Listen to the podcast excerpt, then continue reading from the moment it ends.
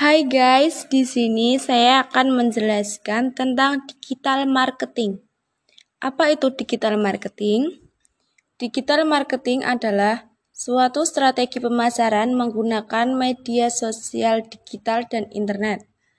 Konsep dan penerapan digital marketing adalah hal yang dilakukan untuk mendongkrak penjualan produk dari suatu brand seiring dengan kemajuan teknologi tren di dunia bisnis juga semakin bervariasi.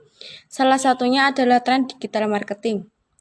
Pengertian lain, digital marketing adalah suatu kegiatan pemasaran atau promosi suatu brand atau produk menggunakan media digital atau internet. Tujuan digital marketing 1. Tujuan digital marketing adalah untuk menarik konsumen dan calon konsumen secara tepat. Seperti yang kita tahu, penerimaan teknologi dan internet di masyarakat sangat luas, sehingga tidak heran Kegiatan pemasaran secara digital dijadikan pilihan utama oleh perusahaan-perusahaan. Akibatnya, perusahaan saling berkompetisi membuat konten yang menarik untuk ditampilkan dalam pemasaran di dunia maya. Contoh digital marketing. Beberapa contoh teknik pemasaran yang termasuk dalam digital marketing adalah SEO, Search Engine Optimization.